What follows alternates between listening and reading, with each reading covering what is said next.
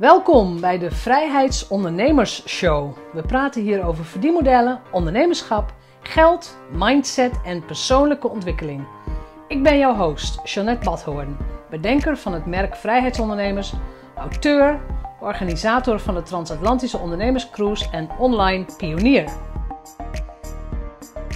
Vandaag ben jij in for a treat, zoals ze in het Engels zeggen. Ik spreek vandaag met Femke Hogema. Zij heeft in de coronatijd, in drie weken tijd, een volledig nieuw boek geschreven. Het boek Ondernemen in crisistijd. En misschien heb je dat boek nog niet gelezen. Misschien ken je haar van uh, eigenlijk haar bekendste boek volgens mij, het Profit First boek, wat gebaseerd is op een boek uit uh, de Engelse taal. Ze schreef ook het boek Winstgevende Plannen en zij begon haar auteurscarrière met Financiën voor ZZP'ers. Eh, ik vond het, ja, ik vond sowieso, ik vond het een heerlijk gesprek, ook van auteur tot auteur. Um, de stappen die, die iemand doormaakte. Dus Femke laat ook gewoon heel duidelijk zien: we beginnen allemaal op nul.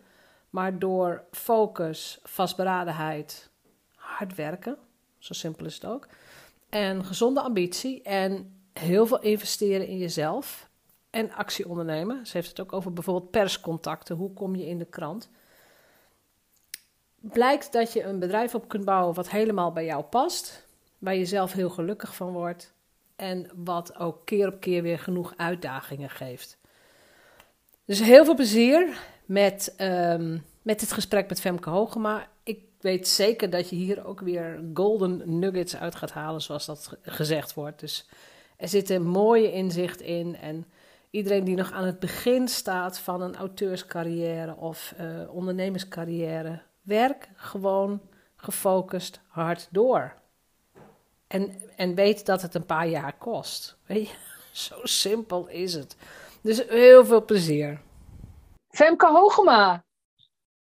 Hoi dank Jeanette. ja, dankjewel voor het tijd maken voor ons in deze, voor jou ongelooflijk drukke tijden. Yes. Ja, want je zei in het voorgesprek, ik leef van dag tot dag. Ja, ja en ik, ik, ben er dol op om te kunnen zeggen: nee hoor, ik heb het helemaal niet druk. En dat over die, die, die periode heb ik ook. Ik heb ook perioden waarin ik echt met recht kan zeggen: nee, ik ben niet druk. Maar ik, uh, ik heb nu wel weer zoveel in korte tijd gecreëerd dat nu is het wel weer even druk. Ja, ja. nou schijnbaar hoort dat bij jou, maar daar gaan we het ook lekker over hebben. Ja. De eerste aanleiding om nu met jou te praten is dat jij in drie weken tijd een boek hebt gepubliceerd. Het is ook al uit. Ondernemen in crisistijd. Ja. 100% ingegeven door de lockdown, door corona en door alles wat op je afkomt als ondernemer. Ja, 100%. Echt, ik, het is echt een best wel bizar verhaal. Ik kreeg op 17 april een mailtje van de uitgever, waar ik ook mijn andere boeken bij heb gepubliceerd, van Dure Management. En die mailde mij, joh, wij zitten na te denken of we een boek willen publiceren over de huidige tijd, corona, corona survival tips. Dat was het eerste idee. Lijkt jou dat wat? En ik zei, ja, dat lijkt mij wel wat. En toen ging ik erover nadenken en toen dacht ik, dat lijkt mij wel wat, dat lijkt me geweldig. Ik ben dol op boeken schrijven, uh, ja. dus de kans om weer een boek te kunnen schrijven, toen dacht ik, ja, dat ga ik gewoon doen. Maar toen dacht ik ook, ja, maar het is, het is een boek in crisistijd, over, over ondernemen in crisistijd, dan heeft het niet zoveel zin als dat in februari 2021 een keertje in de winkel ligt. Dat, dat schiet niet op. Dus nee, dat, klopt. Ja, dus toen uh, belde ik met de uitgever, meteen de dag daarna. En uh, die vroeg aan mij, ja, hoeveel tijd denk je dan nodig te hebben? En toen heb ik gezegd drie weken. Ja, tuurlijk. Logisch. ja. Ja, nou, had jij wel ervaring, hè? want dit is je vierde boek. Dus het is niet zo dat je, dat je het wiel moest uitvinden. En je had ook het, waarschijnlijk het vertrouwen, dit gaat mij wel lukken. Ja. Maar drie weken is ambitieus. Zeker als je ook nog andere dingen erbij uh, hebt. Nou. Ja, en ik kan ook door, door mijn verdienmodel, mijn businessmodel, kan ik ook wel redelijk de tijd uh, creëren voor dit soort dingen. Ik moet niet ja. iedere drie weken een nieuw boek willen schrijven. Dan gaat het op een gegeven moment spaak lopen. Ja. Maar dit kon wel. En ik heb inderdaad de ervaring dat ik... Ik weet dat ik een boek kan schrijven. Ik weet dat ik makkelijk schrijf. Ja. Dat mijn teksten ook eigenlijk vrijwel, ehm, ja, die zijn gewoon publiceerbaar. Daar hoeft een uitgever of een, of een, uh, of een redacteur hoeft dat niet helemaal op zijn kop te zetten. Dat is een kwestie paar D's en T's en commas en punten en je hebt een boek. Ja. En ik schrijf gewoon heel makkelijk. Dus ik zei tegen mezelf letterlijk van oké, Femke, dit is een kwestie van 2500 woorden per dag produceren. En dat heb ik gewoon gedaan. Ja, dan is het gewoon noeste arbeid. Ja. ja. ja. Maar het is wel belangrijk wat je aanstipt. Het is gewoon het zelfvertrouwen van dit kan ik. Dat heb je bij, had je het bij het eerste boek ook al of was het toen een wat moeilijker proces? Nou, mijn allereerste boek is, is echt wel een tijd geleden. Dat is wel acht jaar geleden, denk ik. Financiën voor ZZP'ers. Als ik daarop terugkijk, toen heb ik echt vier, vijf maanden, echt drie dagen per week zitten schrijven. Van s ochtends vroeg tot s avonds laat. En, ehm, nou, en dat hoeft nu niet meer. Mijn tweede boek ging al veel sneller. Mijn, mijn derde boek, Winstgevende Plannen, dat schreef ik eigenlijk op een campingstoeltje op een iPad in Frankrijk uh, in de vakantie. Ja, uh, omdat je daar de layout al voor had eigenlijk, hè? Dus de, de opzet had je al. Ja, ja, die, die winstgevende plannen had ik de opzet. En uh, dus, ja, dus ik weet gewoon, als ik de, wat ik in mijn hoofd heb zitten, dat kan ik echt wel op papier krijgen. Want ik ben, ik voel me dan ook echt geïnspireerd. Ik voel echt, um, ik kan echt in de inspiratie gaan zitten, zodat ik ook hele mooie zinnen kan produceren. En dan ook lekker in hoog tempo. En heb jij wel eens zinnen van jezelf teruggelezen waarvan je denkt, heb ik die geschreven? Ja. Ja, hè? Ja. Maar ik noem dat dus inspiratie, dat ik denk, ja, ja ik, noem dat, ik noem dat flow. Flow, ja. Ja, dat, het, het, alsof, er, alsof er woorden boven je, of letters circuleren boven je. Uh, maar op de een of andere manier stromen ze door je heen zonder dat je het zelf doorhebt. En dan komt het, nou in dit geval komt het dan op je laptop. Maar vroeger kwam dat gewoon ambachtelijk de pen uit. En maar dat, dat, dat is iets, als je dat nog nooit hebt ervaren, ik vind het moeilijk uit te leggen, laat ik het zo zeggen.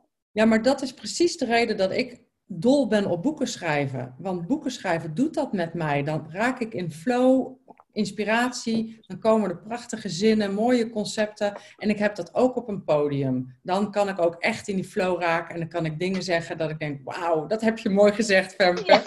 Ja. Ja, ja, ja, ja. Is, had je dat kunnen verwachten toen jij, of ja, toen, had je het kunnen bedenken toen je, weet ik, van jaren 16 was? Nee, 16? helemaal niet. Nee? Maar dat vind ik een leuke vraag. Die heeft nog nooit iemand mij gesteld. Ik was heel slecht in taal.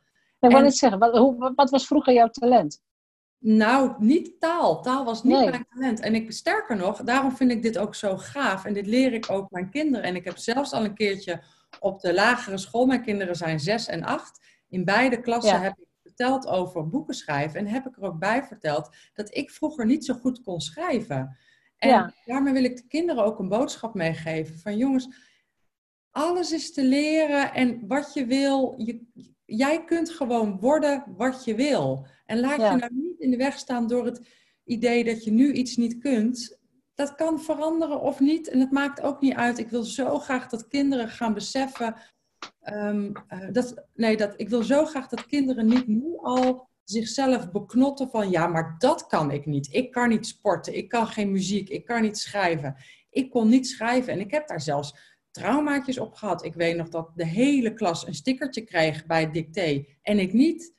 Um, en, um, en ik weet ook nog, ik, ik vond opstellen schrijven wel leuk, maar ja, ik werd, ik werd afgeschoten omdat ik geen dicté kon. En ik weet ook nog dat we Engels moesten leren. En dat, ik, dat de hele klas kon al een beetje Engels en ik kon geen woord Engels. En dat ik toen ook dacht, oh, maar ik heb dus niks met taal. Dus dat waren al meerdere negatieve ja, over taal. En dan nu een bestseller-auteur zijn en dus heel goed kunnen schrijven. Ja, dat vind ik, dat vind ik wel... Ja, dat vind ik zelf eigenlijk ook wel cool. Van, weet je? Ja, dat, dat, is iets waar je echt gewoon trots op mag en moet zijn, vind ik ook. Wat heb jij daaraan gedaan om daar te komen? En, en welke mindset hoort daarbij? Ja, dat is mindset. Ik denk dat ik op een gegeven moment dat toch een beetje heb. Nou, bijvoorbeeld een van de dingen. Ik kon dus echt geen Engels. En, uh, en ik wilde op een gegeven moment heel graag een jaar in Amerika uh, high school doen. Ja. En toen heb ik dat, ik kan geen Engels vervangen door, ik ga Engels leren. Ja. Wat, wat een doel. Ik wilde, ik wilde naar Amerika. En ja, ik, ik, ik geloof ik, dit is een lastige. Enerzijds geloof ik in de maakbaarheid. Een, een beetje, ik geloof wel een beetje in maakbaarheid. Ik geloof dat je je eigen succes kunt creëren. Dat is ook een Mhm. hele belangrijke drijfveer onder alles wat ik doe. En Mhm. tegelijkertijd komt er ook een bepaalde mate van, van geluk natuurlijk bij kijken. Ehm, dus ik had bijvoorbeeld het geluk dat ik benaderd werd door een uitgever van Duren. Wil jij een boek schrijven over financiën voor ZZP'ers acht jaar geleden? Dat gebeurt maar weinig mensen dat ze benaderd worden door een uitgever. Dus dat was het stukje mazzel wat ik had. Maar het is Eh, geen mazzel, want waarom gingen ze jou benaderen? Dat, Omdat ik- door, door al het werk wat je al gedaan Ja. had. Precies. Ja. Dus dan komt maakbaarheid en geluk komt dan bij elkaar. Van ja, ik nou ja, al dat- ja, het is actie. Je hebt, actie. je hebt eerst aan die kant actie ondernomen. Ja. En een uitgever zoekt altijd goede auteurs hoor. Dat is voor de mensen die, eh, die hoop willen houden. ja. Ja, ze zoeken altijd auteurs over verschillende onderwerpen. En wat, wat jou gebeurt, dat, dat is mij ook gebeurd. Ik ga in het jaar, ja, najaar nog een boek schrijven. Ik ga twee boeken schrijven dit jaar. ja. Maar, dus het, maar het- ze doen dat alleen maar omdat jij al actie hebt ondernomen. En omdat ze er vertrouwen in hebben dat je dat met een goed gevolg kunt afronden. Helemaal eens. Ik, en, ik, en ik geloof Op grond waarvan hebben ze jou in. toen benaderd? Was je toen al aan het bloggen? Of, of wat was het? Nou, toen was het eh, omdat ik en, en verstand had van financiën en dus liet zien in de, in de. Was het al blogger? Dat, vind ik, dat weet ik niet meer zo goed. Maar ik liet wel zien, bijvoorbeeld ook in de trainingen en de workshops die ik toen al wel gaf, dat ik dus eh, heel helder kon communiceren over financiën. En dat liet ik zien. En dat, En was, dat liet je zien. ja. Ja. en dat was de combinatie die ze zochten. Ja. Maar goed, dat, dat is wel interessant. Dan komt zo'n uitgever bij jou. En jij hebt misschien deep down inside die overtuiging, wel ik ben niet zo goed met taal. En ze gaan jou vragen, oké, schrijf jij een boek. Wat gebeurt er dan met jou? Ja, toch had ik toen al meteen zoiets van, ja, natuurlijk wil ik dat. Geweldig, dat ga ik gewoon doen. En Als ik eer of als, als wat was het? eh, oh, wauw, wat was dat toen? Ehm, ik denk dat eer wel degelijk meespeelde. Maar ook wat er toen ook al was, een boek schrijven, dat is echt wel een ding. Hè? Dat nemen ze je nooit meer af. Dat is echt Mhm. een boek ook in de winkel hebben liggen. Ik bedoel, een boek schrijven en uitprinten, dat kan iedereen. Maar een boek publiceren, eh, dat vond ik, ja, dat heeft ook denk ik met ego te maken. En met iets achterlaten, iets, neer, iets achterlaten in de wereld. Eh, iets, ja, dus die combinatie. En ik denk doordat ik al in Amerika al had geleerd dat ik wel degelijk Engels kon, dat het kennelijk iets was wat ik kon leren. En ik ben toen ook wat gaan schrijven. Dus ik denk dat dat hele, dat hele trauma er wel een beetje vanaf was. Ja, Ehm, ja, ja. ja, ja. Nou ja, het voordeel is als je natuurlijk met een uitgever gaat werken of met een schrijfcoach of wat dan ook. eh, Er moet sowieso een redacteur over je boek heen. Altijd. En, En dat was- is ook. Ja, en dat was ook hilarisch. Ik, ehm, Mijn eerste, ik weet nog dat, want nu weet ik hoe het spelletje werkt. Je schrijft Ja. een boek en het wordt geredigeerd en dan krijg je dat terug met 10.000 rode strepen. Maar Klopt, en dan gaat het nog een keer. Ja. oh, maar de eerste keer dacht ik, nee, zoveel fouten, dat kan niet waar zijn. Oh ja, ja, Ja, ja. ja. en nu ben ik daar wel een beetje aan gewend. En wat zijn dat dan voor fouten? Punten, komma's, eh, dat soort dingen. Dubbelingen, ja. Ja, Ja. ja. En, eh, en nu was het ook wel tof. ehm, nu heeft Monique, de uitgever, mijn, mijn boek geredigeerd. Want er was geen tijd om een redacteur aan te haken. Want het, eh, letterlijk tussen idee en geprint en gepubliceerd boek zit letterlijk zes weken. Dus Dat is iedereen was- heel snel. ja, Ja, heel snel. ultra Iedereen snel. was snel. Ik was snel, de uitgever was snel, de ontwerper was snel, de drukker was snel. Iedereen deed mee in het snelle.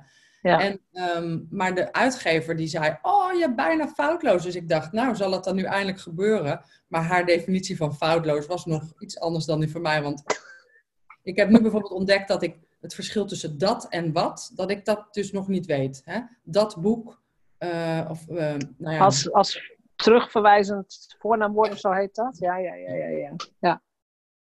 Ja. dat zijn... ja maar het is ook het, dat is inderdaad wat je zegt. Als je het manuscript eenmaal over de schutting durft te gooien, ja, dan komt het terug met honderdduizend opmerkingen. Allemaal van die ballonnetjes en streepjes en dingetjes. Eh, eh, Ik moest ook aan. Het is ook de, de schroom, hè, de eerste keer van: is het goed genoeg? Wat vinden ze überhaupt van? Is het wel een boek waardig? Dat. Heb jij het ook gehad? Ehm, ehm, nee, dat, dat, dat heb ik niet zo gehad. Financiën voor ZZP'ers is echt een heel inhoudelijk boek. Hè? Het eerste boek acht jaar geleden. Ja. En toen kon ik al heel gestructureerd denken en schrijven. Toen had ik gezegd, nou, dit zijn de hoofdstukken die erin moeten. En dat vond de uitgever geweldig. Van wauw, wat een heldere structuur. En ook bij mijn tweede boek, dat was De Winstadviseur. Ook toen wist ik gewoon waar ik het over wilde schrijven.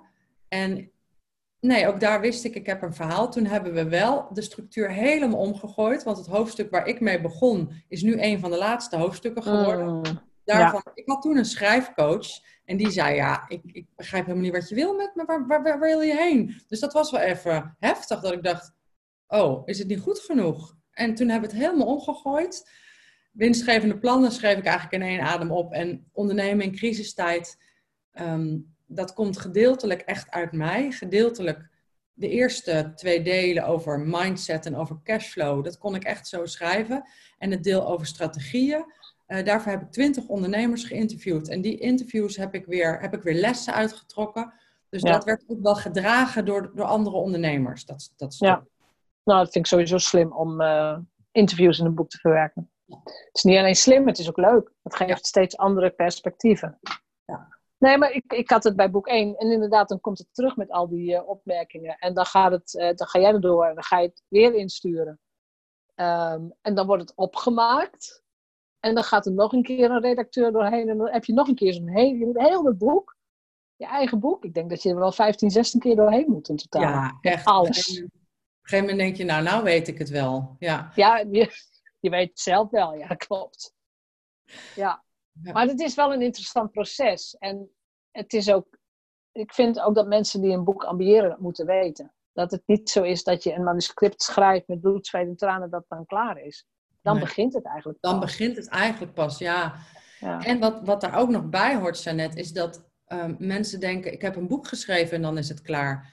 Maar ja, ja, eigenlijk, als je wil dat het boek verkoopt, dan is het schrijven van het boek is maar een fractie van het hele proces. Want het hele proces is Ja. gewoon net zoals ondernemen. Het is marketing, het is verkoop, het is zichtbaarheid, het is nog een keer marketing, nog een keer verkoop. En, en op het moment dat je stopt met marketing en verkoopt, stopt ook de verkopen van je boek. Zo simpel Ja. is het. Je moet Klopt. daar echt... En je bent zelf de grootste verkoper van je boek. Ja, echt. De en mensen uitgever, ook, eh, uitgever doet zijn best, maar dat is het dan ook. Ja, en ook, eh, ik heb nu al twee toffe interviews gehad. Eén interview voor een krant met een grote foto erbij. En een interview voor Sprout. Dus twee ja, best wel interessante interviews. Maar die zijn er alleen maar omdat ik die eh, redacteuren heb benaderd van... Zullen we hier wat mee doen? Dat, die komen niet uit de lucht vallen. Dus het is allemaal keihard werken en het komt allemaal niet vanzelf. En zo ziet het er soms wel uit. Hè? Van, oh, Femke staat er in de krant. Ja, de, omdat ik de krant heb gebeld. En soms moet je wel 15 keer een krant bellen voordat je één keer een stukje hebt. Soms moet je wel 25 keer een krant bellen voordat je één keer een stukje hebt. Dan heb ik twee vragen, het is interessant. Dat laatste wat jij beschrijft is onderdeel van je mindset. Gewoon doorgaan. Gewoon, er komt vanzelf wel een ja, of er is vanzelf wel iemand die eh, iets over mij wil schrijven. Maar dan dat eerste stuk, hè, je hebt ze zelf gebeld. De kracht van je netwerk, hoe zet je dat in? Ja, dat is echt, dat kom ik steeds meer tot ontdekking. Kijk, ik, ik ben nu, hoe lang ben ik ondernemer? Nou, 13 jaar geloof ik, zoiets.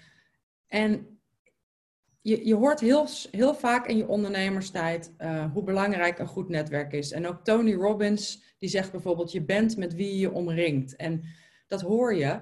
En ik heb dat aan het begin ook wel lastig gevonden. Want de eerste jaren dacht ik, ja, ik loop de hele godganse dag koffie te drinken met Jan en Alleman. Maar daar komt natuurlijk helemaal niks uit. Dus dat vond ik ook wel frustrerend. Dat eeuwige gekoffieleut waar vervolgens niks uitkwam. En nu ontdek ik, holy Femke, je hebt een geweldig netwerk in al die jaren opgebouwd. Met directeuren van grote bedrijven, met vrijheidsondernemers in andere kant van de wereld, Spanje, waar dan ook. Je hebt een geweldig netwerk. En eh, dat maakt dat ik nu wel snelle stappen kan zetten. Dus ja, wat is een goed netwerk belangrijk? En wat is het opbouwen van relaties belangrijk? En ik denk wat daar voor mij de les nu in is, die ik 13 jaar geleden niet wist, maar ja, die ik nu wel weet, is ehm, een netwerk gaat letterlijk alleen maar over ehm, elkaar leren kennen en wel de juiste mensen leren kennen. Want als je echt met iedereen koffie gaat drinken, dat, dat schiet gewoon niet op. Dus Nee. de juiste mensen leren kennen, daar eh, heel selectief in kunnen zijn. Maar dan gaat het letterlijk echt over het opbouwen van de relatie. En dan kan het wel 15 jaar duren voordat daar business uitkomt. En misschien komt er wel nooit business uit. Daar gaat het dan niet om. Dan gaat het er echt om, wij leren elkaar kennen. We worden kennissen of misschien zelfs wel vrienden. En dan komt er misschien een keer een moment dat. En dat Ja. zie ik ook. Ik heb nu mijn eh, boek eh, De Winstadviseur. Die is vertaald in het Engels. The Profit Advisor. Dat is mijn eerste internationale boek. Het staat op Amazon. En eh, het verkoopt nog niet zo goed als wat we zouden willen. Maar het feit dat het überhaupt verkoopt, is 100% te danken aan mijn netwerk. Zonder mijn internationale netwerk had ik nul verkopen gehad. Want een boek op Amazon zetten, er gebeurt er niks. Maar ik, Nee, niemand kent je. Precies. Ja. maar ik ben al in vier internationale podcasts geweest.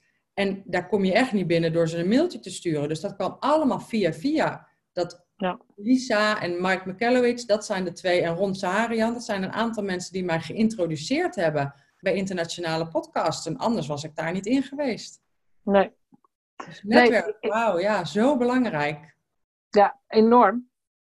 En voor mij geldt, ja, weet je, ik netwerk heel makkelijk. En ik heb ook een enorm groot netwerk. Ik vind het ook heel leuk.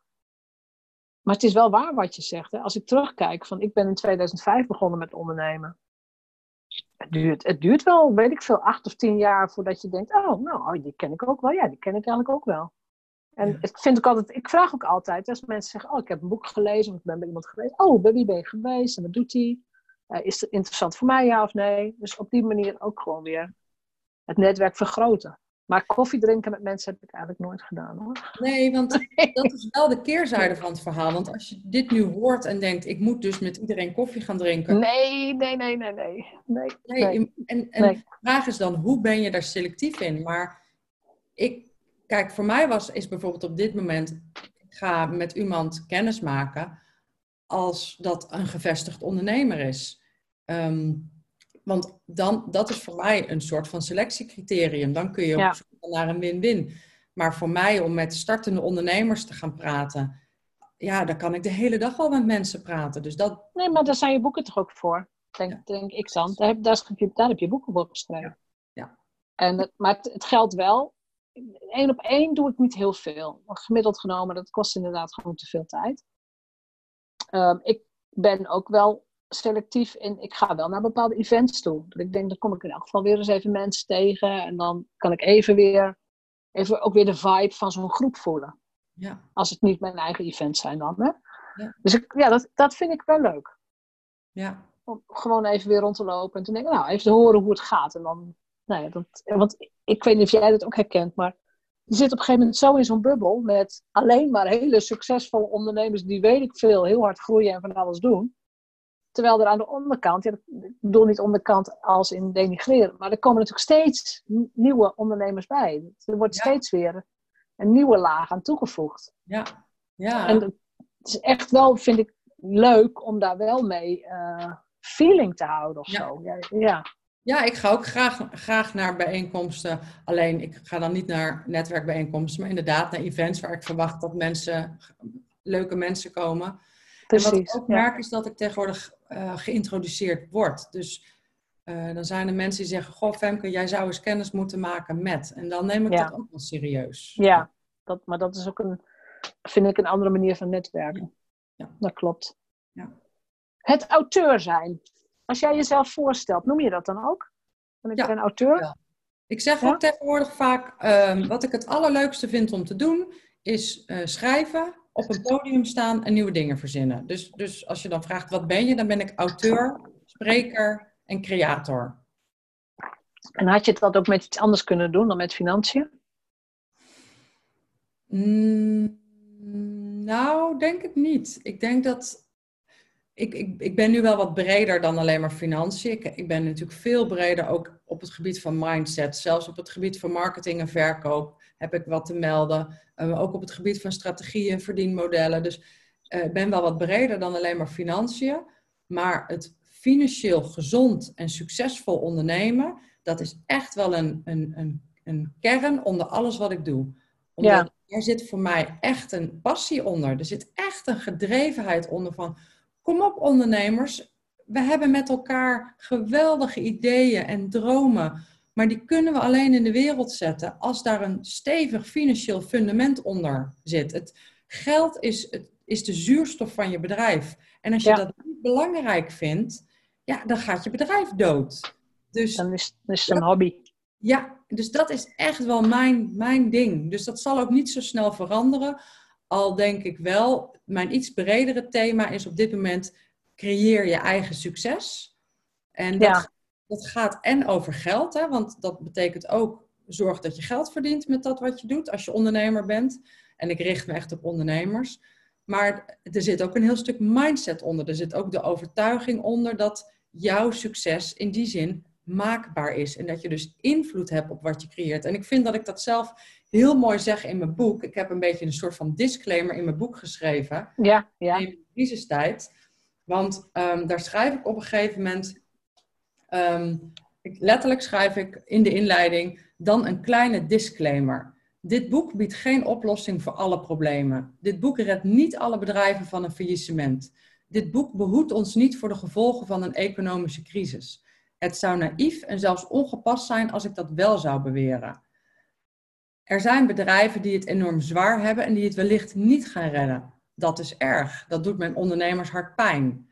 En ik wil dat niet bagatelliseren. En dan zeg ik, tegelijkertijd heeft het geen zin om het daarbij te laten. Want dat is niet het hele verhaal. We hebben wel degelijk invloed. We hebben altijd keuze. En door andere keuzes te maken kunnen we andere resultaten bereiken.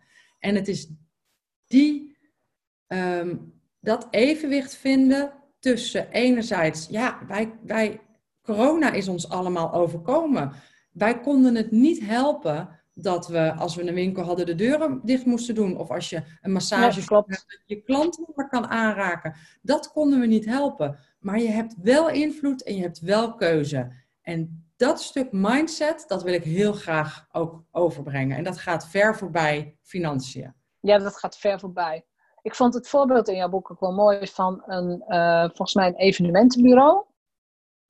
Die zeiden van ja, we pakken gewoon alle klussen aan, al moeten we een huis schilderen. Dan gaan, er moet gewoon in elk geval een soort, eh, de maandelijkse lasten kunnen betaald worden. Ja, Maar we gaan hier doorheen komen doordat we Ja. alles aanpakken. ja, gewoon, ja, precies. Alles aanpakken. Alles aanpakken. En dat, dat vind ik dan ook wel weer heel mooi. En mensen worden ook creatief hè, nu. Creatiever dan ze ooit geweest zijn, denk ik. Dus eh, Ja. misschien is het ook wel een keer goed, dit soort, dit soort eh, rare tijden. Ik weiger Mhm. ook om het eh, crisis of wat dan ook te noemen. Gewoon rare tijden. Ja, Er gebeurt altijd wel iets, denk ik dan. ja. Hoe heb jij zelf aan je money mindset gewerkt?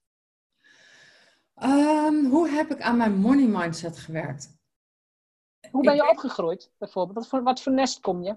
Nou, ik kom qua geld, eh, denk ik, ik kom uit een vrij gemiddeld nest qua geld. Ik denk dat wij, ik ben niet, eh, ik, ik vind dat ik niet echt een negatieve money mindset heb meegekregen, gelukkig.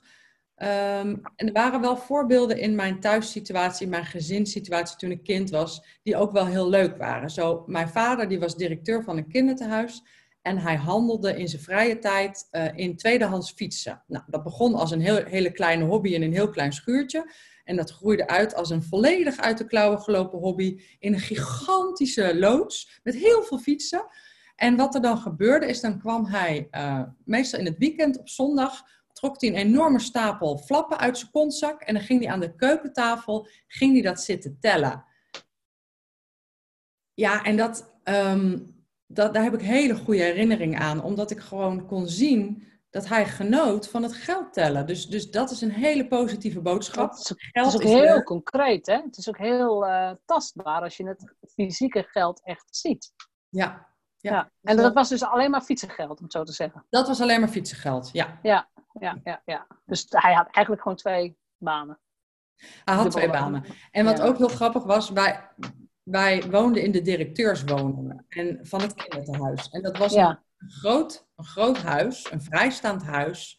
En ik dacht dus dat wij heel rijk waren, want wij woonden in een heel groot vrijstaand huis. Maar wij waren helemaal niet rijk, want zo heel veel verdiende een directeur van een kinderthuis niet. Maar we hadden alleen de mazzel dat we in de directeurswoning woonden. Dus ik heb in die zin wel ook een gevoel van rijkdom meegekregen. Ja. Ehm, ja, en tegelijkertijd heb ik nooit echt geleerd ook om eh, veel te verdienen. Dat, dat moest ik echt zelf leren. En wat ook, ik ben, heb ook ergens wel. eh, mijn moeder heeft veel meer moeite met geld verdienen. Mijn moeder heeft, heeft daar ook heel lang heel lastig gevonden dat ik het voortdurend over geld had. Van ja, maar Femke, geld is toch niet belangrijk? En die had liever dat ik gewoon jeugdhulpverlening was gaan doen. Ja, ja, ja, ja. Dus, dus ook die kant heb ik wel meegekregen. Van je mag niet, de focus mag niet op geld liggen. Die heb ik ook wel meegekregen. En dus daar heb ik me wel aan moeten ontworstelen. Aan, aan die, de focus mag niet op geld liggen. Maar is, is een einddoel geld of is het einddoel veel groter? Want jouw Ja, passie dat- of jouw missie is heel, eigenlijk heel anders. Ja, kijk, het einddoel is niet, het einddoel is niet geld. Ik vind alleen dat. ehm, ik vind het belangrijk om zelf te geloven, maar ook dat over te brengen dat een deel van het doel wel degelijk geld mag zijn. Het is niet of-of. Het is niet of bijdragen aan de wereld of geld verdienen. Ehm, dus mijn Het versterkt elkaar. Het versterkt elkaar. Ja. En ik wil heel graag. eh, ik vind dat ook vrijheid. Ik vind het vrijheid om te durven geloven dat je enorm rijk kan worden. Dat het oké is om schatje hemeltje rijk te zijn. In geld, hè? Dus niet in liefde, ook in liefde. Bij voorkeur ook in liefde. En ook Ja. in tijd. Bij voorkeur alles, ja. Ja, bij voorkeur alles. Maar ik, ik wil heel graag omarmen dat het 100% oké is om schatje hemeltje rijk te worden. En daar, daar doe ik ook mijn best voor. En daar zijn we nog lang niet. Eh, maar ik geloof wel dat dat ons gaat lukken. En dat staat, wat mij betreft, helemaal los van ehm, al mijn. Nou, of nee, het versterkt dus al mijn andere doelen. Het versterkt. ja, versterkt.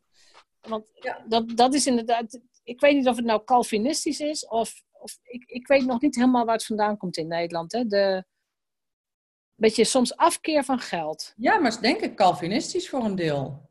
Voor, een- voor een deel wel. Ehm, voor een deel zit er ook nog het, eh, het hele patriarchale systeem overheen. Hè? Dat je als vrouw geld van de man kreeg. En ik heb zoveel scheidingen gezien ook nu de laatste jaren. Doordat de vrouw als ondernemer ineens meer ging omzetten slash verdienen dan de partner die een baan had. Ja. Eh, er, zijn nog wel veel taboes rondom geld. Ja, het is wel leuk dat je dat ook noemt. Ik heb een, een hele mannelijke man in mijn ogen. Want ja, als je mij een beetje kent, dan snap je ook dat met een, een hele vrouwelijke man, dat zouden wij niet overleven. Want ik ben zelf al heel sterk. Dus daar moet toch minstens een heel sterk persoon naast staan. Anders wordt het niks. Dus ik heb een hele mannelijke man die ook, eh, ehm, ik weet nog toen wij voor het eerst gingen daten. Hij deed gewoon de deur voor me open en gaf me mijn jas aan. Maar hij zei ook wel dingen als, ehm, eh, kom in de auto stappen. En dan zei ik, waar gaan we heen? En dan zei hij, gaat je niks aan? En dan was het wel, gingen we wel wat leuks doen, maar dan, dan volgde ik. Nou, dat was voor me ook een hele nieuwe ervaring, de volgende ervaring. Dus ik- Heb, je, heb je dansles gehad vroeger? Ja, daar was ik niet zo goed in, hè? Stijl Nee. dansen? Nee. ik kon wel goed dansen, maar ik ben wel een leider. Ja. Oh, ik zie mezelf daar ook nog staan. Ik denk, hoe bedoel je? Ja, ja. Maar om, wat het leuke is dus, hij heeft een goede baan, maar hij verdient minder dan ik. Dus ik draag meer bij aan het huishoudinkomen dan hij. En eh, hij heeft er echt geen enkel probleem mee. Hij vindt het allemaal helemaal geweldig. En wat hem betreft ga ik nog twee keer zoveel verdienen, zodat hij gewoon kan stoppen met werken. Ja. Hij voelt zich daar niet minder man om. En daar ben ik zo blij mee. Daar ben ik ook zo trots op dat hij dat echt. Hij voelt zich echt niet minder man omdat zijn vrouw nou eenmaal meer verdient. Hij is daar zelfs trots op. Hij zegt dat tegen zijn vrienden. Ja. Dus dat doet hij goed. Dat, Bart, bij Ja. deze, dat doe je goed. Doet hij heel goed. Ja. Ja, nee, mijn man kan ook niet wachten tot ik hem, tot hem, tot ik hem op pensioen kan gaan zetten. Ja. Ga ik, dat ga ik trouwens niet doen, want dan gaat hij alleen maar auto's knutselen. Ik denk, nou, dat weet ik niet. of dat nou een goed idee is, dat weet ik niet. Ja. Maar, dat is, het is, maar het is wel waar. Dus, maar jij zegt, oké, money mindset. Ik, heb, eh, ik had niet een negatieve. Ik denk dat niemand een negatieve money mindset heeft. Maar ehm, het heeft te maken met een soort geldtemperatuur. Een thermometer die in jou zit. En je bent comfortabel tot een bepaald niveau. Uh, en dat kan maandniveau zijn of jaarniveau of de dingen die je kunt doen. Hè? Als je van je ouders hebt geleerd, we gaan in de, in de zomervakantie, weet ik veel, lekker fietsen met een tentje. Dan is dat het niveau vakantie waar je comfortabel bij bent. Ja. Als je met je ouders altijd naar een vijfsterrenhotel ging, dan is dat jouw, jouw comfortabele niveau. Ja. Als je daar ruim boven gaat, dan gaan er interessante dingen gebeuren. Ja. Heb je, kun je daar wat over vertellen? Nou ja, wat, waar, wat daar heel grappig aan is, is um, ik heb echt mijn, mijn thermometer moeten bijstellen op bepaalde vlakken. Um, zo gingen wij voor het eerst naar New York. En ik heb dan in mijn hoofd wat een acceptabel bedrag is voor een nachtje hotel. Nou, dat moet je in New York eens proberen. Dus, ja, dat, ja. is contextueel uh, anders. Ja, maar ja, ik dacht wel, ja, ik ga geen 300 euro uitgeven voor een nachtje in een hotel. Ik pieker er niet over. Nou, nou, wij zaten in een rotperiode in New York. In die zin, er was en de marathon en de inauguratie van ik weet niet meer van wie, van iemand, inauguratie van een president. Van een, burgemeester of een, oké. nee, van een president. Dus ik weet niet of het Trump was. Ik denk misschien wel Trump, ik weet niet meer precies. Trump is bijna vier jaar geleden. Ja, dat zou goed kunnen dat het Trump was. En, um, en wij zeiden, nou, we gaan, we gaan het niet te gek maken. En we hebben toen, ik denk, 150 euro per nacht uitgegeven voor een hotel. Nou, echt de kakkerlakken liepen over de vloer. Dus dat was echt een foute keuze. En nu hebben we nu gaat het niet door. Want in september hadden we weer tickets geboekt voor New York. En Sonja, mijn, uh, mijn businesspartner en ik zouden samen gaan. En ik had dus echt voor het eerst mijn hele money, uh, mijn hele geldthermostaat qua hotel bijgesteld. We hadden een geweldig hotel geboekt. Echt een duur hotel. Maar ook zonder dat ik er enig probleem mee had, vond ik dat ineens helemaal oké. Dus daar heb ik echt een stap in gezet. Uh, maar dat, dat, ja, dat is dat, dat kan ook omdat ik weet dat ik het financieel kan betalen. Maar het heeft precies wat jij zegt. Het heeft echt te maken met wat is je geldthermostaat. Want twee jaar geleden was ik niet bereid om zoveel geld uit te geven voor een hotel. En nu ben ik daartoe wel bereid. Omdat ik denk, ja. het is maar geld. Geld is energie. Je kunt altijd nieuw geld maken. Dus weet je, en we gaan gewoon lekker genieten. Ja, ja. ja ik, ik, ik herken het helemaal. En, en vlieg je al business class? Uh, ja, een beetje. Ik ben een beetje, ja. ja we, hebben, we hebben één keer een volledige upgrade gedaan, de business class. En dat was super. Daar konden we liggen en slapen, maar dat was ook betaalbaar. Ja. En de laatste keer dat ik dacht, ik ga het weer eens proberen, kostte het 10.000 euro. Dat paste niet binnen mijn geldthermostaat. Nee. Nee. Nee, dat, is, dat, is, dat zijn van die dingen. Ja. Ik zou het liefst altijd business class overal vliegen, maar dan denk als je dan soms ziet van oké, dan moet je echt, echt heel veel bijbetalen. Per enkele reis ook nog eens. Ik denk, nou, ik ga wel gewoon in die stoel liggen. En ik heb dan mazzel dat ik geen lange benen heb en zo. Dus ik, ik red dat ook nog wel prima. Maar dat zijn van die dingen. Het zou fijn zijn als je echt zonder enige vorm van problemen kunt zeggen: Ik vlieg altijd business class. Ja, ja nou, dat, dat, dat is echt zo. En ik geloof ook dat het een elkaar beïnvloedt. Ik geloof dat op het moment dat je daarvoor open staat om er geld aan uit te geven, dan maak je het jezelf ook weer makkelijker om meer te verdienen. Omdat je moet op een gegeven moment die thermostaat ook doorbreken door misschien wel op een hoger niveau te gaan leven. En overigens vind ik het wel belangrijk om daarbij te zeggen dat het, dat het niet alleen maar gaat om heel veel geld uitgeven. Het gaat er met mij, wat mij betreft, ook over om letterlijk een soort van vrijheid te creëren. Dat mijn kinderen schuldenvrij kunnen studeren. Maar ook de vrijheid dat ik weet dat mijn pensioen geregeld is. Maar het gaat ook om bij kunnen dragen. Want ik heb uh, nu, tijdens coronatijd, weet ik dat in India is er gewoon echt te weinig eten. Dus ik heb op dit moment iets van 1400 euro aan India overgemaakt. En um, ja, 1400 euro uh, Vroeger maakte ik 100 euro over. Nu kan ik zonder enig probleem 1400 euro overmaken.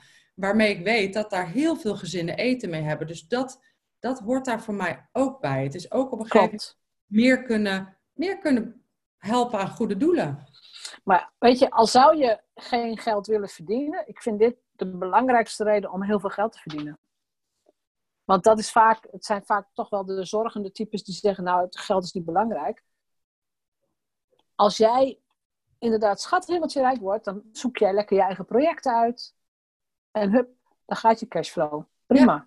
Je, voor mij mag jij in een plaghutje op de hei blijven wonen hoor. Ja, precies. En, dus... je, en je hoeft geen jacht te kopen. En, uh, ja. ja. En wij, wij wonen nu in een rijtjeshuis. En uh, um, ik, uh, ik zie het wel gebeuren dat wij op een gegeven moment kunnen zeggen... nou, officieel zijn we nu miljonair. Als je kijkt wat de waarde is van ons bezit. En, hè, dan, ik vermoed dat er, een, er komt een moment waarop wij kunnen zeggen... officieel zijn we miljonair en we wonen in een rijtjeshuis. Dat zie ik ook Ja. gebeuren. We Ja. willen dan wel een keertje verhuizen naar een vrijstaand huis... met wat meer bos, hoor. Maar alles op zijn tijd. Eerst Nou, over twee jaar komt ons huis te koop. Een villa 1908 aan de bosrand, vrijstaand. Want In Spanje? het huis. in Nee, Spanje. gewoon in, in Nederland, in, Nij- in Nijmegen. Oh, nou. Ja. Wij wonen echt heel erg mooi en we hebben dit gekocht toen de kinderen klein waren. Eh, maar over twee jaar gaat mijn jongste ook het huis uit. Weet je, het zijn allemaal levensfases waar je doorheen gaat. En ik heb nu al, ik heb een jaar geleden al aangekondigd, als, als de kinderen eruit zijn, wil ik hier ook weg. Ik vind dit huis veel te groot met twee mensen. Ja. Weet je, dat, eh, je moet het allemaal warm stoken en schoonhouden. Ik zeg, ik wil dan gewoon lekker comfortabel, eh, goed geïsoleerd, eh, gewoon lekker ergens wonen. Ja. Want kinderen zijn natuurlijk van harte welkom om te komen, maar ik hoef dan niet, niet meer per se langs hoe heet het, aan de bosrand te wonen, omdat de kinderen daar altijd fijn speelden. ja. Dus, maar dat, dat, zijn, eh, dat had ik tien jaar geleden ook niet gedacht. Nee. Dat ik nu denk van dit huis, het is een fantastisch huis. Maar nu denk ik, ja, moet ik hier? Ik bedoel, het gebeurt nu al heel vaak dat we met z'n tweeën thuis zijn s'avonds. Dan zitten we elkaar aan te kijken. Ja, dit is ons voorland. Ja. Alle kinderen weg. Ja. En, ja, heel anders. Ja. En dat, Ja. ik denk dat dat, dat, dat, is, dat is die vrijheid. De vrijheid van keuzes kunnen maken en je dus niet per se te laten belemmeren door geld. En ja, dat is denk ik voor veel mensen een uitdaging om die geldthermostaat op te schroeven. Want dat is toch een Nederlands ding. Doe maar gewoon, dan doe je al gek genoeg. En ik denk wat ook een veel voorkomende gedachte is van... Ja, maar ik, als ik meer verdien, hebben anderen minder. Dat is er ook zo één. Mhm. Dus, eh, Ja. En het helpt, wat voor mij heeft geholpen, want dat vroeg je net, het heeft voor mij ook geholpen om mijn doelen helder te krijgen. Want op het moment dat je weet dat je eigenlijk, hè, voor mij, ik wil eigenlijk aan het bos wonen en ik wil dat mijn kinderen schuldenvrij kunnen studeren en ik wil eh, dat Bart en ik allebei met pensioen kunnen eh, zonder, zonder gedoe. Als je weet, en, en ik wil, eh, wil veel kunnen bijdragen aan mensen die het minder hebben, ja, dat kost allemaal Ja. wel wat geld. Dat red je niet van eh, een paar tientjes pensioen opzij zetten. Daar moet je echt even significant andere stappen in nemen. En dat helpt voor mij ook om rijk te kunnen worden. Nou, het- en het is ook jezelf toestaan dat jij het waard bent. Want en dat klinkt een beetje eh L'Oreal-achtig of zo. Maar het, ik kom steeds vaker, als ik doorvraag bij mensen waarom ze hun prijs niet verhogen of wat er gebeurt. Het is, alles is terug te leiden op eigenwaarde. Alles, alles, alles, alles. En het is heel belangrijk dat mensen zich dat realiseren. Het is niet een simpel knopje wat je omzet. Van, het is geen thermometer die, nou ja, die je in een dag hebt verhoogd. Nee. Het is steeds weer terug naar de basis en dat ben je zelf. Ja. Wat ben je verder dit jaar nog van plan? Wat, wat ben ik dit jaar nog van plan? Ja, wat, wat kunnen we nog verwachten? Ehm, nou, ik, ga ik ben een nieuwe training. eh, ik ga wel wat nieuwe dingen lanceren. Ik heb nu echt, als het, ik heb nu echt het fundament staan. eh, qua, eh, qua systemen, qua processen, qua team. die fundamenten staan, zodat we op dat fundament ook echt nieuwe dingen kunnen gaan bouwen. Dus ik, ik heb een aantal trainingen die ik wil lanceren, maar ik wil ook mijn, mijn, eh, mijn opleidingsprogramma voor boekhouders en accountants, wat nu het vierde jaar ingaat, daar gaan we echt weer een mooie zoom aan geven, dat het gewoon nog beter staat met meer video's. Ehm, maar ook dus nieuwe.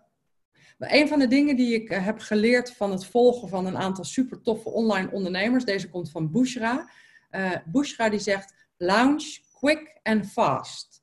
En die heb ik ergens in mijn hoofd opgeslagen. Vaak Bushra is extreem. Die is extreem. Ja. Voor de mensen die Ja. haar niet kennen, Bushra Azar heet ze. Ja. ja, zij is geweldig. Maar Ze is fenomenaal. Ja, ja, maar dat is een van de dingen die zij zegt. Lanceer snel en vaak. En dat heb ik opgeslagen in mijn hoofd. En we hebben dus eh, in de tweede week van de crisis hebben wij een online training gelanceerd. Cashflow managen in crisistijd. Daar hadden we binnen een week 10.000 euro omzet op. En toen dacht ik, hey, dit kan ik dus. En toen ging ik een boek schrijven, anders had ik nog een andere training gelanceerd. Ja. Maar dat vind ik heel leuk om te kijken, kan ik ook sneller en vaker gaan lanceren? Dus dat is eigenlijk een van mijn plannen. Ehm, eh, ja, ik wil heel En, graag en, dat zijn dan wel allemaal online trainingen. online Snel, snel en vaak, ja. Ja, ik heb ook een presentatietraining waar een live dag bij in zit. Eh, ik heb natuurlijk ook ieder jaar in november heb ik mijn tweedaagse event Winstgevende Plannen. Dat is echt een groot succes. Dat is een geweldig event met een vuurloop. Dus dat is echt heel tof. Nou, ik eh, ga ervan uit dat die door mag gaan. Ehm, dus daar, daar, Als het, als het allemaal goed, ga- goed blijft gaan, wel, ja. ja, Ja. dus daar hoop ik, eh, dat wil ik heel graag. Eh, dus die, die blijft gewoon gaan. Ehm, en dan heb ik ProfitCon, die is al verzet, want die zou in juni zijn voor boekhouders en accountants en business coaches. Maar dat wordt nu verzet, dus dat is ook in het najaar. Dus ik heb wel weer genoeg dingen. ja, ik heb nog wel. En ik heb ook nog wel wat plannetjes die nog zo broeien, maar die nog niet helemaal rond zijn. Nou ja, klinkt alsof we nog wel een heleboel kunnen verwachten. Ja. Wie zijn jouw grote online idolen? Je hebt Bushra al genoemd.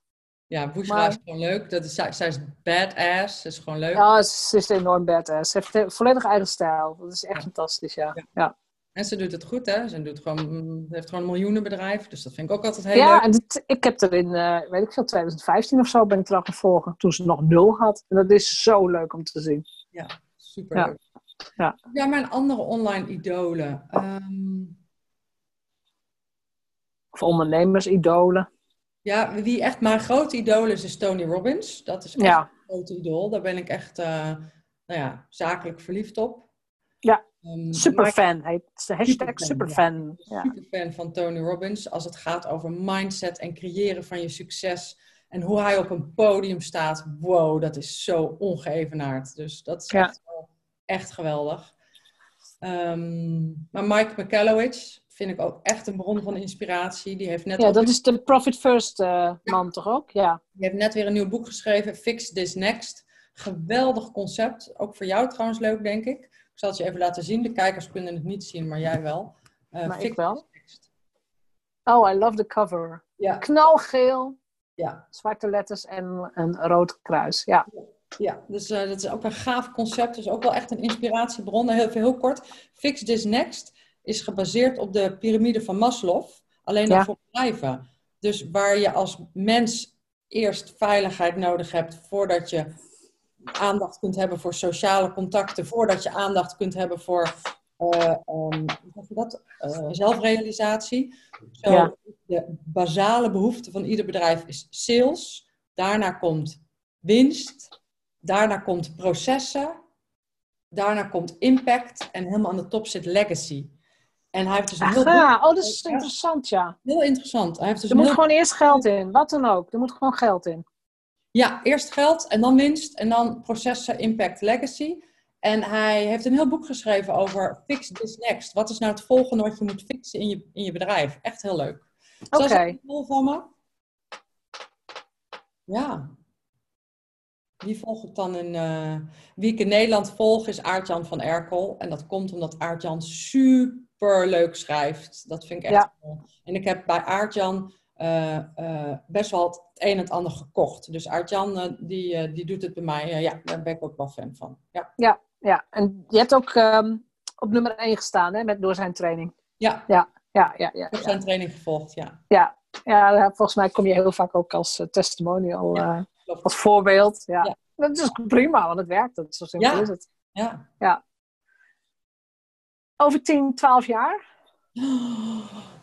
Zijn je kinderen dan het huis uit? Hm? Zijn je kinderen dan het huis uit? Eh, ja, over twaalf jaar zijn ze het huis uit. Nou ja, dat weet ik niet, maar dan- zijn ze volwassen. Over twaalf jaar Ja. zijn ze volwassen. Ja. Dan, ik, dan eh, wat ik, het, wat ik wil, is ik wil dan op hele grote podia staan voor 10.000 mensen of meer. Om mensen te inspireren om hun, ehm, hun eigen succes te creëren. Ondernemers te inspireren om hun eigen succes te creëren. Heel veel met mindset doen, maar wel, ik ben niet van de fluffy, zweverige mindset, maar van de super praktische, down to earth. En wat gaan we nou eigenlijk doen? Hè? Actie, maar wel Ja. gebaseerd op mindset. Nou, dat. Ja. En dan ben ik financieel vrij. Ja, dat is het plan. Dus financieel vrij. En, dan ga En is het in het Nederlands of in het Engels?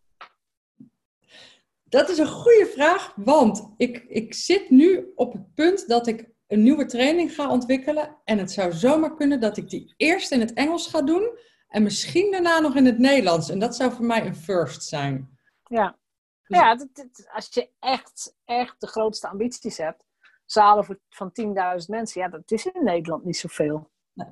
En in Amerika is dat vrij normaal. Ja. Ja. Ja, dus Ja. ja, ik heb, dat, het is nog zo in de kinderschoenen dat ik het nog niet helemaal wil gaan benoemen. Maar, Nee, het is, het is- is leuk om, dat, om dat te zien, inderdaad. maar ik wil inderdaad nu iets neer gaan zetten waarvan ik denk, volgens mij moet ik dat gewoon in het Engels neer gaan zetten. En ja, want in het Nederland is gewoon heel klein. Dus waarom zou ik niet kijken wat er gebeurt als ik het in een taal doe die, weet ik veel hoeveel, honderd keer zoveel eh, mensen spreken. Ja, Nederland is een heel klein taalgebied. Ja, Dat klopt.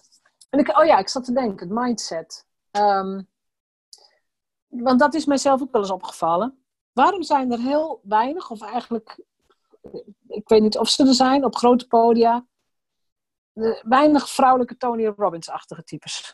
echt, dat, echt raar is dat in Nederland in mijn ogen niet. Dus ik stel voor dat ik dat ga opvullen, dat gat. Dat is mijn idee, want ik Ja. begrijp dat ook niet. Ehm, en ik denk dat een deel ermee te maken heeft dat de mindset trainers, de Tony Robbins, dat zijn mannen met een ja, een redelijk grote mate van zelfvertrouwen, een redelijk ego, eh, echt, Ja.